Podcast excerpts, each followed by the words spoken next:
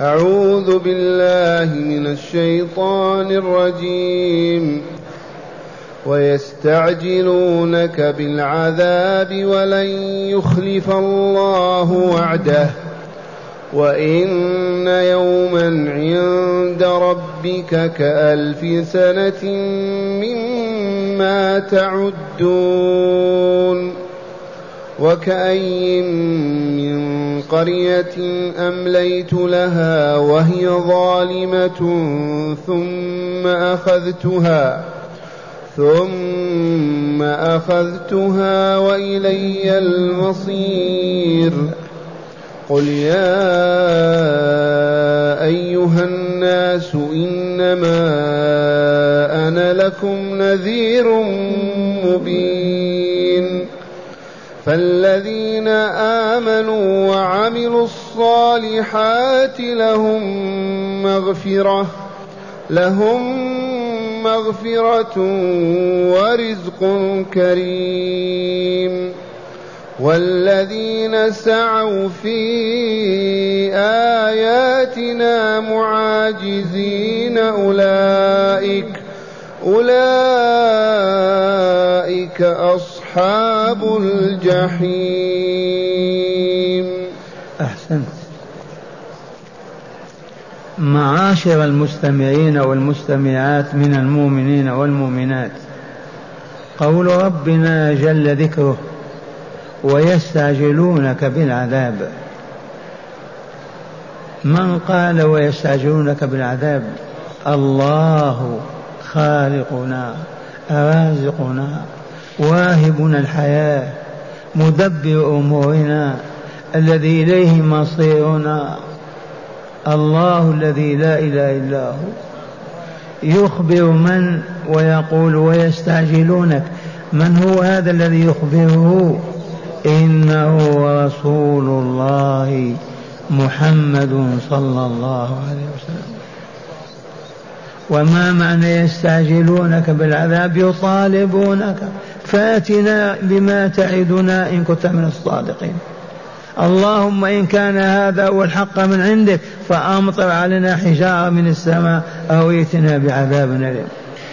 وكم تبجح أبو جهل والنضر بن الحارث وطالبوا بالعذاب مستعجلين به فهل هو في صالحهم؟ لولا الجهل والكفر وظلمة النفس. العاقل يطالب بالعذاب؟ ما يفعل هذا ذو عقل أبدا. لكنهم يستعجلون الرسول. واستعجالهم للرسول يؤلمه والا لا؟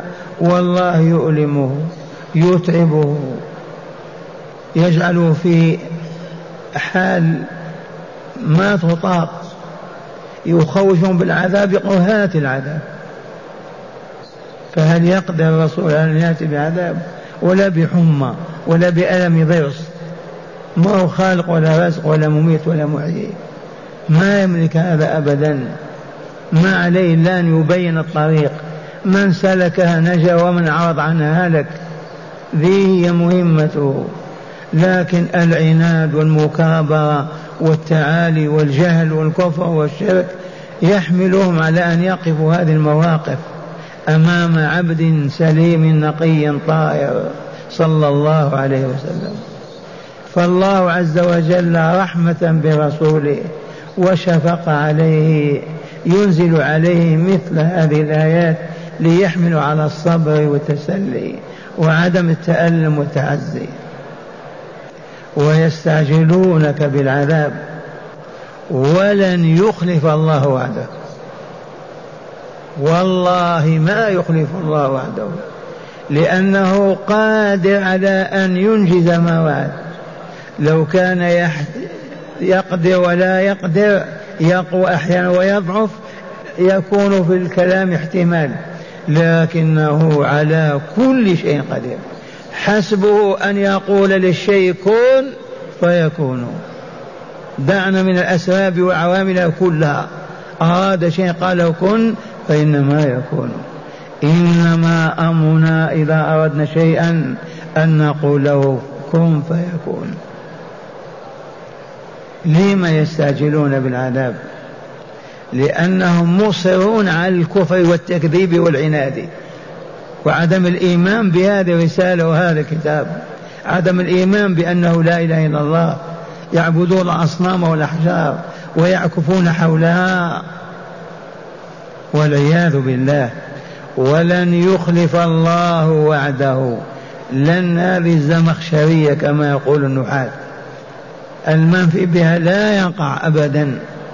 ولن يخلف الله الميعاد. وهل وعدهم بالعذاب؟ إيه في عشرات الآيات. توعدهم ووعدهم بالعذاب. وقد أنجزه لهم بعد سنيات لا تزيد على الثمان سنوات فأهلكهم الله في بدر. من على رأسهم أبو جهل إلى آخر واحد منهم. لكن يستعجلون. واستعجال العذاب ما ينبغي لأن الله عز وجل نظم الحياة كلها بمقادير وموازين وأوقات ومواعيد لا يتقدم شيء ولا يتأخر أبدا. إذا أخر الله عذاب فلان إلى ألف سنة مستحيل أن ينزل العذاب. فلهذا لطيفة. ادعوا الله واسألوه ما شئتم. ولكن لا تستعجلوا قل دعونا وما استجاب لنا. ادعوا الله سلوه اطلبوه. حاجاتكم الدنيوية الأخروية. وواصلوا الدعاء فإن استجاب فاحمدوا الله واشكروه وخيروا له ساجدين شاكرين. وإذا لم يستجب لحكمة عالية فلا تيأس ولا تقنط وإياك أن تقول دعوت ولم يستجب لي. فإن الله كتب في كتاب المقادير كل حدث يحدث له وقته ومكانه ومن يقوم به والساعة المحددة له. ثم علمنا رسول الله صلى الله عليه وسلم أننا لما ندعو ونلح في الدعاء ندعو الله ونلح لا بد وأن نكتسب خيرا. إن كان مطلوبنا دنيويا وأراد الله تأخيره لنا أجر الدعاء. وإن أكان طلبنا أخرويا فهو أمامنا حاصل بإذن الله. وإن استجاب الله في قضية وأعطاك فاحمده فإن القضاء كان موافقا على طلبك في وقته. المهم ألا نحجم عن الدعاء بل نواصل سؤال الله حاجاتنا ليل نهار. وهو إن رأى فيما طلبناه خيرا عاجلا عجله. وإن لم يرى فيه خيرا لنا كم من إنسان يسأل الله الولد فإذا به يذبحه؟ أليس كذلك؟ كم من إنسان يسأل, يسأل وظيفة فإذا به يهان فيها ويذل. كم من إنسان يسأل زوجة فإذا بها تخنقه أو تذيقه العذاب. إذا فأنت اسأل الله واترك الأمر له. إن أعطاك سؤالك لعلمه أنه خير لك احمد الله. وإن لم يعطيك علم أن ما طلبته لا ينفعك وليس في صالحك ولا يغشك لأنه وليك. آمنا بالله. فقوله تعالى ويستعجلونك يا رسولنا أي المشركون بطلب العذاب العاجل وهو واقع ووقع في بدر وهلكوا عن آخرهم. ولن يخلف الله وعده إذا وعد الله يخلف وعد لا والله. الذي يخلف الوعد العاجز الجاهل. يريد شيء وبعد يتبين له أنه لا صالح له فيه. يتركه. يعدك ويخلف لعجزه أو لما يرى عدم الخير فيما وعدك. أما الله عز وجل العليم الحكيم. فإذا وعد أنجز. لكن هذا المو... هذا الإنجاز له ساعته وزمانه ومكانه. لا يتقدم ولا يتأخر.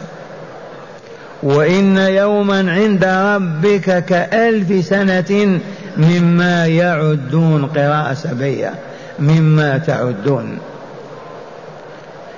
هنا تكلم أهل العلم كثيرا. خلاصة ما عندنا هو أن هذا اليوم من أيام الآخرة. أيام الآخرة غير أيام الدنيا. أيام الآخرة اليوم بألف سنة. أيام الدنيا اليوم باثنى عشر ساعة. والله يقول ولقد خلقنا السماوات والأرض وما بينهما في ستة أيام. من تلك الأيام التي اليوم فيها بألف. ثباتم وذكر تعالى في عدة آيات أنه يوم الآخرة بألف. وإن يوما عند ربك كألف سنة مما يعدون أو تعدون. إذا وفيه لطيفة أخرى. أن يوم الآخرة بما فيه على الهلكة من الشقاء والعذاب والله اليوم كألف سنة من أيام الدنيا. لما ينزل العذاب ويقع على العبد في جهنم يوم القيامة يكون ألف سنة ما تساوي ذلك اليوم. والعكس أهل النعيم في الجنة. يوم في الجنة يعد النعيم ألف سنة وهم يأكلون ويشربون ويركبون. وهو كذلك أيضا. وإن يوما عند ربك كألف سنة مما تعدون. وأخبرنا صلى الله عليه وسلم أن فقراء هذه الأمة اللهم اجعلنا منهم يدخلون الجنة قبل أغنيائها بخمسمائة سنة بنصف يوم بخمسمائة سنة. إذ اليوم ألف سنة. يدخلون الجنة ويستقرون والأغنياء ما زالوا في الحساب والنقاش حتى تنتهي محنتهم ويدخلون الجنة متأخرين بخمسمائة سنة. فلهذا كان الصحابة يفرحون بالفقر ما يبكون ما يسخطون أبدا. إذا وجدوا ما يسد حاجتهم استغنوا عن الدنيا بما فيها. ويذكرون قول الحبيب صلى الله عليه وسلم ماذا قال؟ وكنت أجوع اليوم ثلاثين يوما وليلة حتى يأتيني بلال تحت إبطه بقطعة خبز. والشاهد عندنا في قول ربنا تعالى وإن يوما عند ربك كألف سنة مما تعدون من أيامكم هذه وقال تعالى في يوم القيامة في يوم كان مقداره خمسين ألف سنة.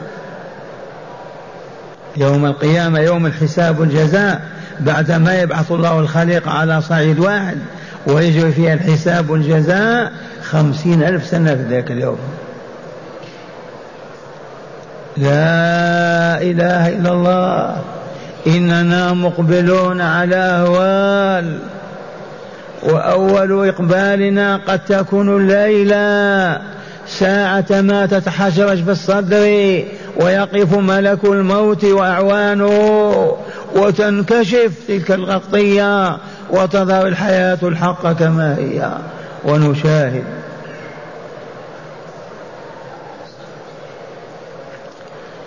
ثم قال تعالى وكأي من قرية أمليت لها؟ وهي ظالمة. وقد علمتم يا أهل العلم أن القرية العاصمة الحاضرة المدينة ليس الاصطلاح الجغرافي المادي الكاذب. قرية أملى لها الكاس وإلى السطل وإلى البرميل وإلى القربة؟ أملى لها زاد في أيامها وطعامها وشرابها وسعادتها وراحتها أملى لها؟ وهي ظالمة. والحال أنها ظالمة لربها. تعبد غيره. ظالمة لرسلها تسبهم وتشتمهم وتحاربهم وتقتلهم. ظالمة بإعراضها عن كتاب ربها وتعاليمه وهداه. إذ علمنا أن الظلم وضع الشيء في غير موضعه. إذا تستوجب العقوبة وإلا لا؟ الذي يشرب كأس من من السم يموت وإلا لا؟ يموت قطعا لأن السم ما هو موضع الشرب وضعه في غير موضعه. إذا كل من وضع شيئا في غير موضعه فهو ظالم. فبدل أن نطبق شرع الله ونعيش عليه أعرض عنه المسلمون وتركوا وراء ظهورهم وديارهم وأهلهم يعيشون على الأهواء والشهوات والشياطين. أي ظلم أفضل من هذا الظلم؟ وكأين كثير من قرية عاصمة حاضرة أمليت لها وأخيت زمامها وزدت في طول المدة وهي ظالمة. أي والحال أنها ظالمة لمن؟ لربها. أعرضت عن كتابه عن رسوله عن ذكره عن شرعه عن عبادته وهي تعيش على الأهواء والشهوات والشرك والكفر. قال تعالى أخذتها. أخذها. كيف أخذ أخذ عزيز مقتدر دمرها أبادها أهلكها أمات رجال ونساء وأطفالها. قلبها ظهرا على عقب. كم وكم؟ ما هي قرية ولا عشر ولا مليون. وكأين من قرية أمليت لها وهي ظالمة ثم أخذتها وإلي المصير. ما معنى لا معنى أخذناها عذبناها هلكناها دمرناها. وانتهت. لا بد يرجعون إلينا. عذاب الدنيا نقمة مقابل ذنب من الذنوب. لكن عذاب الآخرة مقابل الشرك والكفر والخبث النفسي عذاب أبدي. إذ المصير والمرجع إلى الله عز وجل. ومن قال لا قل له لا تمت. إذا لا تموت لا ترجع إلى الله. شد نفسك بالحبال والسلاسل. ما دمت تؤخذ من حجر امرأتك ومن فراش أخيك وأبيك فكيف تقول لا أرجع؟ ومصيري ليس إلى ربي.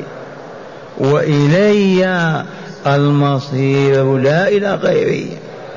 فإذا صرنا إليه ووقفنا بين يديه يجزينا يكافئنا بحسب ظلمة نفوسنا ونور قلوبنا بحسب توحيدنا وشركنا بحسب كفرنا وإيماننا بحسب صلاحنا وفسادنا كما كرر هذا في مئات الآيات.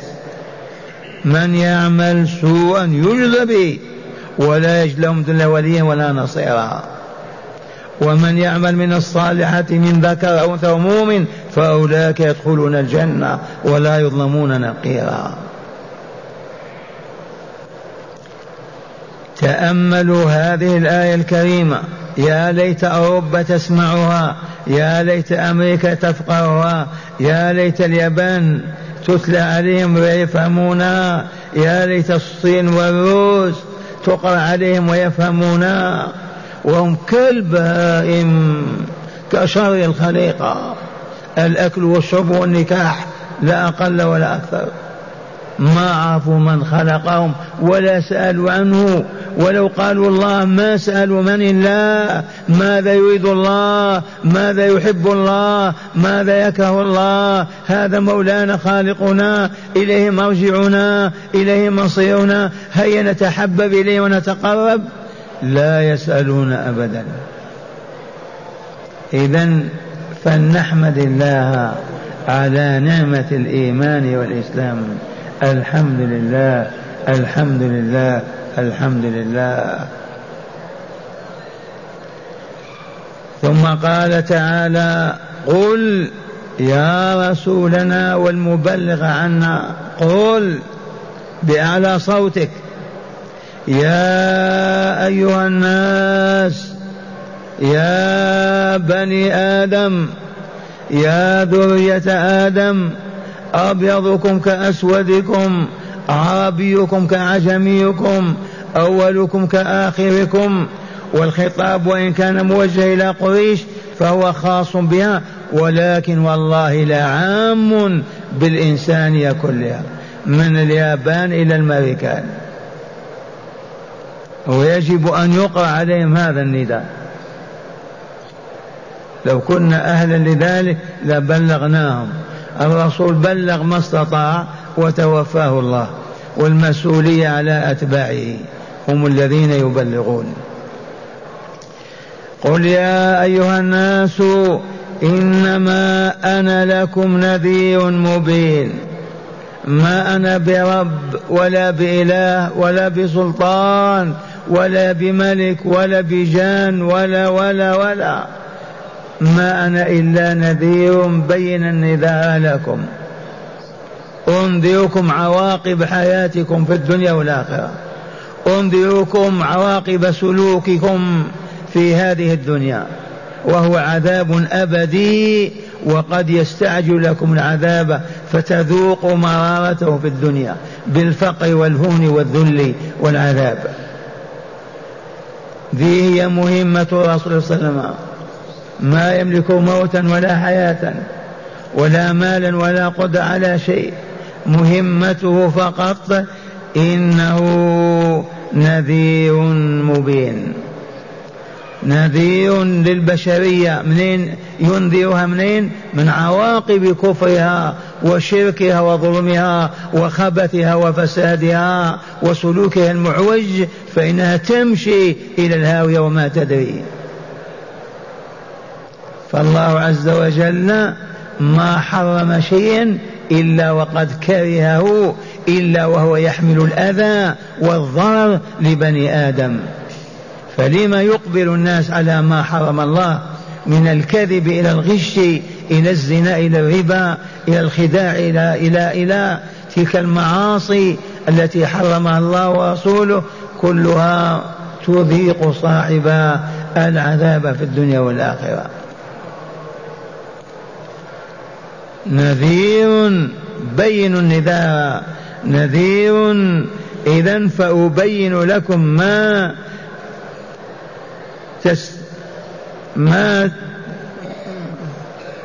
تجا ما تحاجون إليه ما تحتاجون إليه من أمر دينكم. أبين لكم ما تحتاجون إليه من أمر دينكم ودنياكم أيضا. فهل الإسلام ما أسعد أتباعه مضت فترة على الإسلام والمسلمين كانوا أسعد أهل الأرض. والله لا أسعد منهم لا في أوروبا ولا في السيان والشرق ولا في الغرب. لا أكمل منهم ولا أسعد. لما طبقوا شرع الله وعاشوا على أنواره هكذا يقول تعالى وقوله الحق لرسوله محمد صلى الله عليه وسلم قل يا أيها الناس إنما أنا لكم نذير مبين. لا تطالبوني بأن ننزل لكم العذاب أو نكشف على الذهب والفضة في الأرض أو نأتيكم بالمطر أو أو هذا ما هو شأني أبدا. مهمتي أنذركم عواقب سلوككم. وما ينتج عن كفركم وفسادكم وشركم.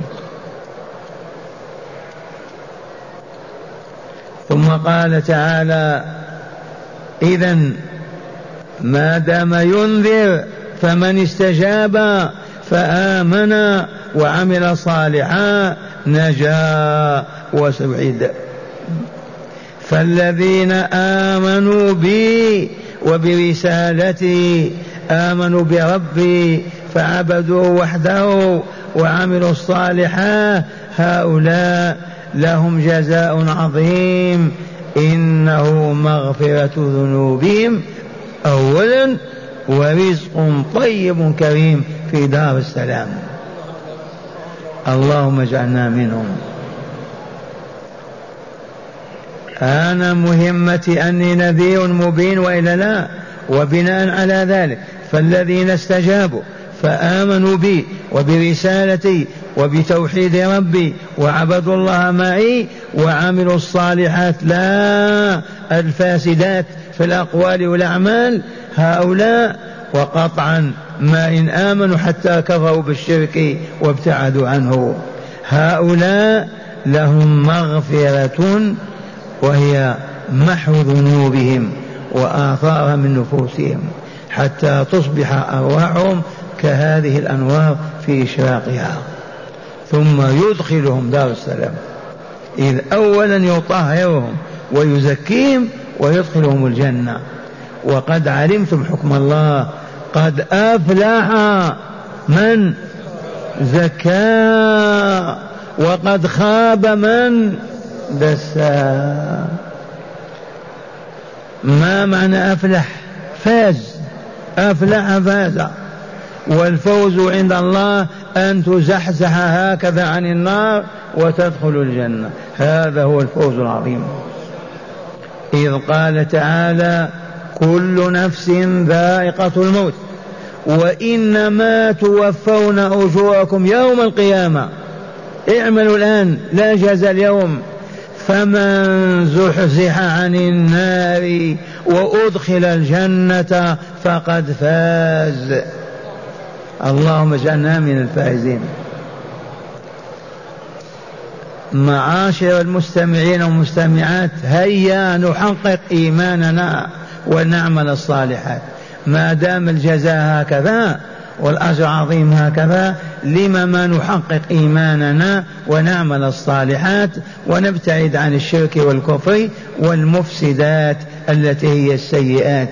ونجاهد أنفسنا حتى نلقى ربنا أزكياء طاهرين. يبقى السؤال يا شيخ كيف نؤمن ما عرفت الإيمان؟ يا شيخ ما هي الصالحات؟ كيف نعملها؟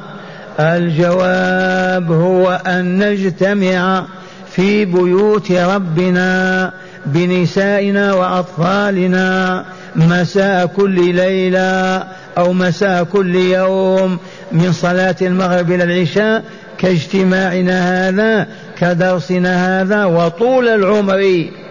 هذا هو الطريق الوحيد. لتعرف به الله وتعرف ما ما يحب وما يكره وتعرف كيف تتقرب إليه وتعمل الصالحات. أما المشغولون بالتجارة والأهواء والاضاحيك والأباطيل ودنياهم ولا يجلسون في حلقة كهذه لا مرة في الأسبوع ولا في الشهر أن لهم أي كيف لهم أن يعرفوا الإيمان ما هو؟ كيف يعرفون العمل الصالح؟ كيف يؤدونه ويفعلونه؟ مستحيل. كان الحبيب صلى الله عليه وسلم يجلس للناس يجلس لهم يعلمهم الكتاب والحكمة ويزكيهم. ذي منة الله التي امتن بها عليهم. هو الذي بعث في الأميين أميون ما يقرؤون ولا يكتبون رسولا منهم يتلو عليهم آياته ويزكيهم ويعلمهم الكتاب والحكمة. وإن كانوا من قبل لفي ضلال مبين فقد أصبحوا في هداية بينة. ثم قال تعالى والذين سعوا في آياتنا معاجزين وقراءة معجزين. كيف حالهم؟ سعوا ليل نهارا. يا جماعة يا إخواننا أيها المواطنون اتركوا هذه الدعوة انصرفوا عنها اشتغلوا بأعمالكم لا تسمعوا لهذه الأقوال. هذه كلها أباطيل. هذا الرجل يريد أن يكون فيكم كذا وكذا. ابتعدوا عنه. طول العام وهم يسعون في إبعاد المؤمنين عن الإسلام.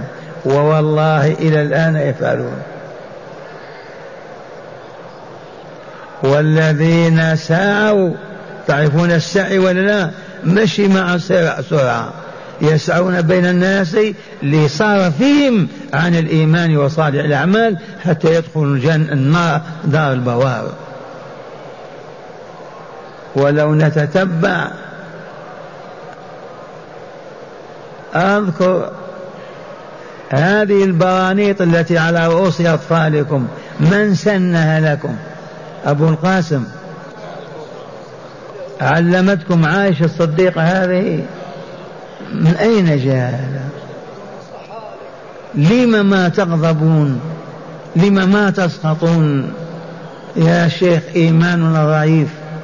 نعم أصحاب الإيمان والمعرفة هنا في الحلقة لو يعطى مليون دولار على أن يلبس طفله برنيطة والله ما يفعلها.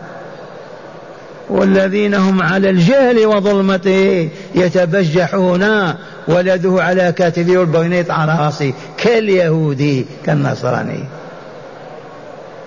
هذا العمل هذا عمل من؟ أصابع من؟ هذه الشاشات في البيوت وهذه التلافز وهذه الشاشات على السطوح يد من أوجدتها؟ ولمن أوجدوها؟ أوجدوها في ديار الكفر لأنهم هابطون ساقطون بهائم شر الخلق لا عجب ولا غروة ما عندهم ذكر الله ما يعرفون الله يجلسون أمام التلفاز أربع ست ساعات ثمان ساعات لأنهم عطاش ملهوفون أما أهل لا إله إلا الله أهل ذكر الله أهل كتاب الله يجلسون أمام عاهرة تغني وكافر يتبجح ويغني ويقضي الساعة والساعات. من عمل هذا فينا؟ الثالوث الأسود. لم نمد أعناقنا وما نستجيب؟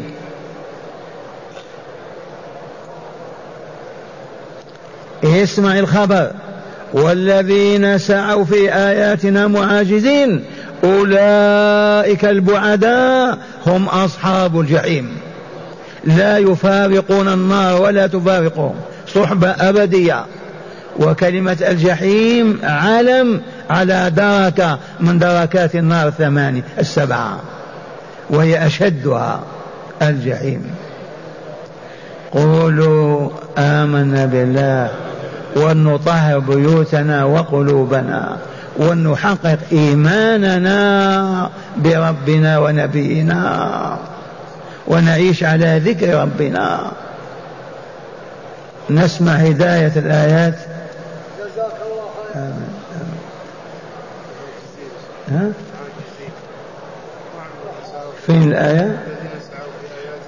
والذين سعوا في آياتنا معاجزين يريدون أن يغلبوا المؤمنين ويقهروهم. ثباتم معاجزين لرسولنا والمؤمنين. ما هم يعاجزوننا ولا لا؟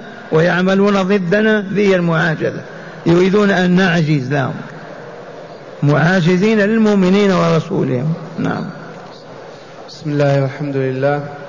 من هداية هذه الآيات أولا العجلة من طبع الإنسان ولكن استعجال الله ورسوله بالعذاب حمق وطيش وضلال وكفر. العجلة من طباع الناس. كذا ولا لا؟ أما أما استعجال الله ورسوله بطلب العذاب هذا حمق وطيش وضلال. كيف نطالب بأن يعجل الله العذاب لنا؟ أعوذ بالله. نطالب أن لا يعذبنا. فكيف نستعجل العذاب؟ إذا الاستعجال الأشياء من طبع الإنسان لكن استعجال العذاب وطلب الله العذاب من الحمق والطيش والعياذ بالله تعالى. إذ قال تعالى ويستعجلونك بالعذاب. نعم. ثانيا ما عند الله في الملكوت الأعلى يختلف تماما عما في هذا الملكوت السفلي. نعم. ما يوجد في الملكوت الأعلى عند الله من كل الموجودات تختلف قطعا عما هي موجودات في الأرض. حتى اليوم هناك ألف سنة في اليوم هناك يوم هنا ألف سنة. كل ما هو في الملكوت الأعلى يختلف عما هو في الملكوت الأسفل. نعم. ثالثا عاقبة الظلم وخيمة. وفي الخبر الظلم يترك الديار الديار بلاقع أي خرابا خاليا. عاقبة الظلم خطيرة. يا معاشر المستمعين لا نظلم لا ربنا ولا غيرنا ولا أنفسنا فإن للظلم عاقبة وخيمة. تذر الديار بلاقع والعياذ بالله وخرائب. رابعا بيان مهمة مهمة الرسل وهي البلاغ مع الإنذار والتبشير ليس غير. أي نعم بيان مهمة الرسل عليهم السلام هي البلاغ والنذير والنذار والتبشير. يبشرون المستقيمين وينذرون الكافرين والكاذبين ويعلمون الناس كيف يسلكون. نعم. قال الشيخ في النهر ومما يزيد تفسير هذه الآية وضوحا قوله صلى الله عليه وسلم مثلي ومثل ما بعثني الله به. اسمعوا هذا الحديث الجليل. يقول الحبيب صلى الله عليه وسلم مثلي ومثل الذي بعثني الله به. كمثل رجل أتى قومه فقال كمثل رجل جاء قومه فقال لهم يا قوم إني رأيت الجيش بعيني. يا قوم إني رأيت الجيش الذي أرادكم ليخرب دياركم ويأخذكم رأيته بعيني. وأنا النذير العريان. وأنا النذير العريان لكم لأنهم كانوا في الزمن الأول إذا أراد أن ينذر أهل القرية يجب أن يتشرد من ثوبه ويمشي عاري ساخط. فلهذا ما يكذبونه أبدا. أو يعلو فوق جبل ويتجرد الثوب ويبقى عاري وينادي. أنقذوا أنفسكم. فالنجاة النجاة. النجاة النجاة. قال فأطاعته طائفة من قومه فأدلجوا وانطلقوا على هكذا يقول طاعته طائفة من قومه. فأدلجوا وانطلقوا. فأدلجوا من أول الليل مشوا يوم بدأ الظلام مشوا أصبحوا سعداء. وكذبت طائفة فبقوا والعياذ بالله. قال وكذبت طائفة منهم فأصبحوا مكانهم. ما مشوا ما صدقوا.